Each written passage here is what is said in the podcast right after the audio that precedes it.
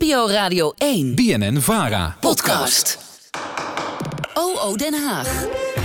Gisteren werd er in de Tweede Kamer fel over gedebatteerd. De ellenlange wachtlijst en tekortkomingen in onze geestelijke gezondheidszorg. Iemand die al jaren aan het leuren is om dit probleem op de agenda te zetten... is eh, GroenLinks Tweede Kamerlid Lisa Westerveld. Ook nu vindt, uh, vindt ze de plannen van het kabinet niet ver genoeg gaan... en dient ze weer een motie in. Ja, of er dan nu eindelijk een oplossing gaat komen... nou, dat bespreken we met uh, Westerveld zelf... en oudere psychiater Manon Kleiweg. Goedemiddag beiden. Goedemiddag. Manon uh, ik begin heel even bij u, want uh, u startte een tijdje geleden de petitie Red de GGZ. Uh, wat, wat merkt u in de praktijk?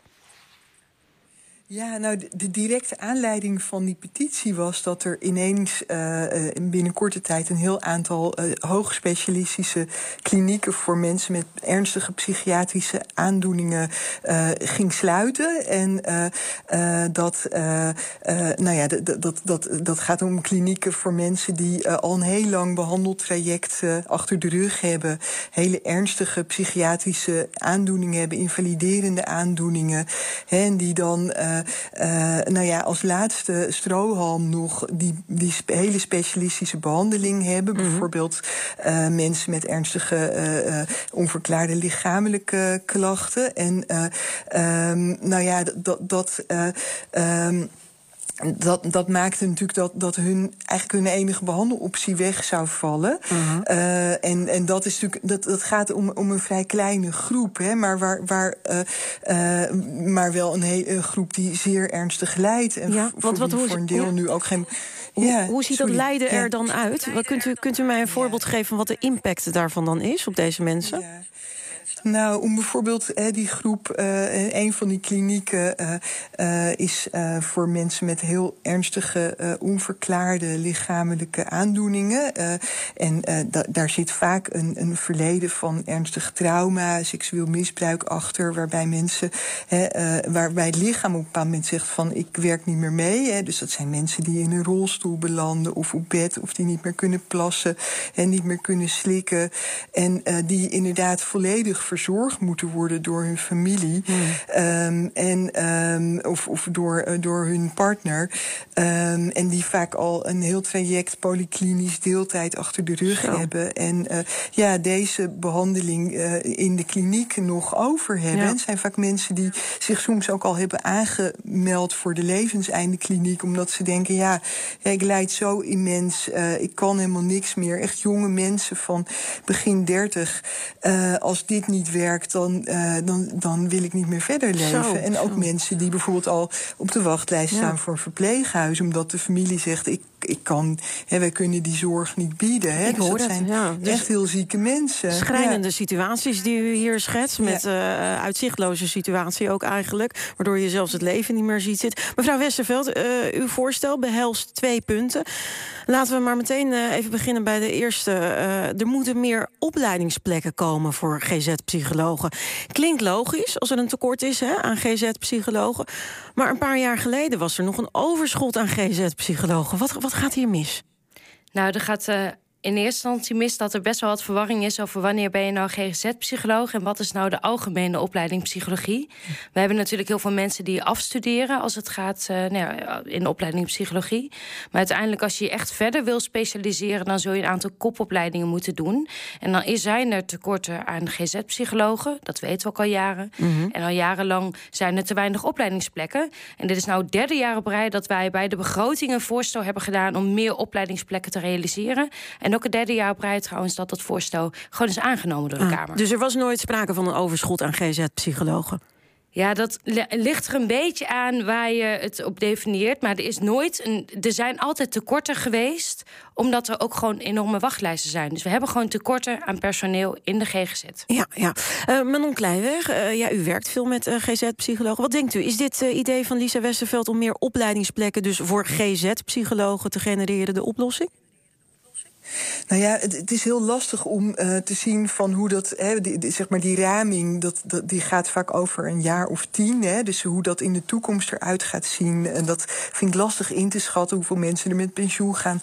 Ja, in mijn eigen team merk ik eigenlijk helemaal geen tekort aan GZ-psychologen. We hadden afgelopen jaar twee vacatures. En die hadden we binnen no time gevuld. Hè. Dus ik denk, het, er zit ergens ook wel een, denk ik, iets in. Hè, je, je vraagt je af wat, wat die andere uh, zorgaanbieders dan niet goed doen. Dat, ze, uh, dat zij niet in staat zijn om snel mensen aan zich te binden. En ik, nou ja, ik werk in de oudere psychiatrie. Dan denk je, nou, dat is toch niet de meest hm. glamorous uh, tak van de psychiatrie.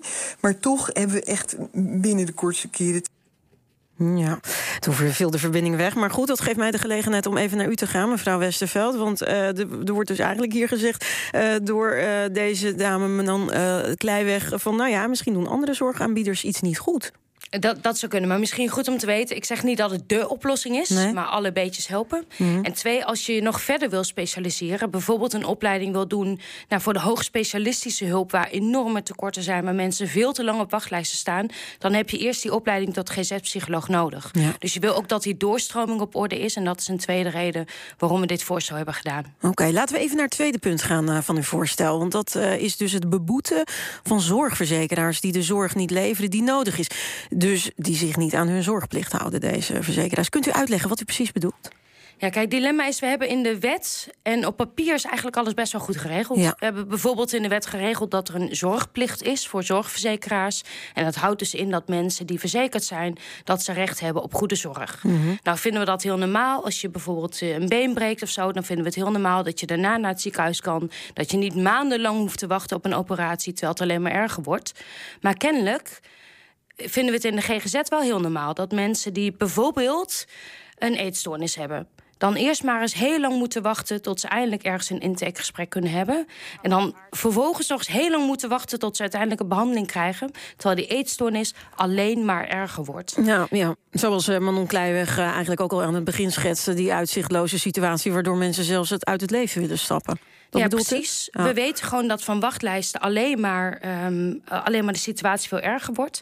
En daarom hebben wij gezegd: als je nou op papier en in de wet gewoon heel duidelijk opschrijft wat onze normen zijn. Mhm. En als ik de minister vraag hoe zit het nou, dan zegt ze: Nou, we hebben gewoon een zorgplicht in de wet geregeld. Dat is allemaal heel goed. Dan vind ik, als je dat regelt, moet je uiteindelijk ook sancties treffen op het moment dat al zo lang niet aan die wettelijke verplichting wordt voldaan. Ja, maar goed, u zegt, eh, de minister zegt: we hebben het al vastgelegd. Uh, de minister heeft ook laten weten in een brief van van 21 oktober dat de een Nederlandse zorgautoriteit strenger moet gaan handhaven op zorgverzekeraars. Dan heeft u toch in zekere zin al wat u wil? Ja, klinkt allemaal heel stoer, hè? Dat we strenger moeten gaan handhaven. Ja, maar? maar misschien goed om te weten, in 2005 zijn er afspraken gemaakt over wettelijke normen. Dat heette de treeknormen. Mm Daarin wordt dan de maximale wachttijd uh, wordt, wordt eigenlijk vastgesteld. Dus met elkaar afspraken gemaakt over wat vinden we nou een aanvaardbare wachttijd. En dan hebben we het over de meest psychische, hè, complexe problemen. Hebben we het al over een tijd van vier weken tot de intake en tien weken voor de behandeling. Het, dat is niet dat je morgen aan de beurt bent. Dat is al best wel ruim. En dan vanaf 2005 weten we dat in heel veel van de gevallen dat er gewoon niet aan wordt gehouden. Er staan meer dan 80.000 mensen op de wachtlijst voor een GGZ-behandeling.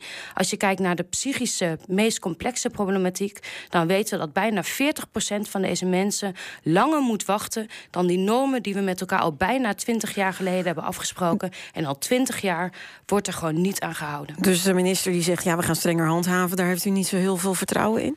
Nou, ik vind dat heel mooi. En dan zeg ik, nou prima, daar hebben we wel een paar ideeën. Uh, ga, ga maar strenger handhaven. Mhm. En kom uiteindelijk maar met boetes. Als mhm. gewoon niet aan die, aan die treeknormen, die al zo lang geleden met elkaar zijn afgesproken. Als daar niet aan wordt voldaan, ja, dan moeten we uiteindelijk maar de zorgautoriteit, die dus eigenlijk als taak hebben om namens het kabinet ook ja, te beoordelen of het stelsel klopt. Die kunnen ingrijpen. Nou, die kunnen al boetes opleggen. Doe dat maar eens een keer. Oké, oké. nou dan zijn wij ook meteen natuurlijk naar de zorgverzekeraars in Nederland gegaan. Uh, we hebben even gevraagd om een reactie aan het overkoepelend orgaan zorgverzekeraars. Dit is wat ze ons onder andere hebben geschreven. We hebben een enorme lange reactie gekregen. De rest staat op onze website. De zorgverzekeraars hebben de minister gevraagd of wij mensen die op een wachtlijst staan actief mogen benaderen met zorgbemiddeling. Vooralsnog mogen wij dat helaas niet. Streng optreden tegen de zorgverzekeraars klinkt misschien goed, maar voor het oplossen van de wachtlijsten in de GGZ moeten alle betrokken partijen hiermee aan de slag. De aanpak van de wachtlijsten is een gezamenlijke verantwoordelijkheid. Ja, wat vindt u van deze reactie? Ja, hoor ik ook van de minister. Dan zegt tegen de minister: wat gaan we nou doen om die wachtlijsten aan te pakken? En dan zegt zij: ja, het is aan de zorgverzekeraars. En de zorgverzekeraars die wijzen naar de instelling. Ah. Die zeggen: het is een gezamenlijke verantwoordelijkheid. Uiteindelijk moet iedereen gewoon de verantwoordelijkheid pakken die je hebt in het stelsel. En dat zijn ook wij. En dat doe ik door dit soort voorstellen te doen. Dat zijn ook de zorgverzekeraars, die ook best wel flinke financiële reserves hebben. En best wel meer, meer kunnen investeren. Dat zijn ook de aanbieders. Maar uiteindelijk vind ik het te makkelijk om te zeggen: ja, het is een verantwoordelijkheid van ons allemaal. als we ons gewoon niet aan wettelijke afspraken houden. Ja, maar mevrouw Westerveld, dit is alweer de zoveelste motie van uw hand. Uh, nog steeds zitten we met dit probleem. Ik, ik ben de tel kwijt inmiddels hoeveel moties u heeft ingediend. Neemt het kabinet u wel serieus op dit dossier? Dat ze, eh, nee, ik, ik, snap best wel die vraag hoor. Want ik word er af en toe ook een beetje moedeloos van. Hoe vaak we al met elkaar voorstellen doen. Hoe vaak we al zeggen: eh, grijp nou alsjeblieft in. Um, en wat natuurlijk het hele grote probleem is. Dat als we echt verregaande voorstellen doen om het stelsel te hervormen. Ik wil ook dat die marktwerking eruit gaat, bijvoorbeeld. Ik wil ook dat er niet meer enorme winstuitkeringen in de zorg zijn. Ik wil heel veel dingen. Ja, maar als we echt verregaande dingen doen om dat stelsel, inter, eh, nou ja, om, om dat stelsel aan te pakken. dan merken we dat, dat dan de coalitiepartijen bijna nooit meestemmen. Dus uiteindelijk is het natuurlijk ook afhankelijk van gewoon een meerderheid in de Tweede Kamer die dit onderwerp belangrijk genoeg vindt. En daar uh, ontbreekt het nog wel eens aan. Goed, we gaan nu natuurlijk blijven volgen. Bedankt, Lisa Westerveld, Tweede Kamerlid voor GroenLinks en ouderpsychiater Manon Kleiweg.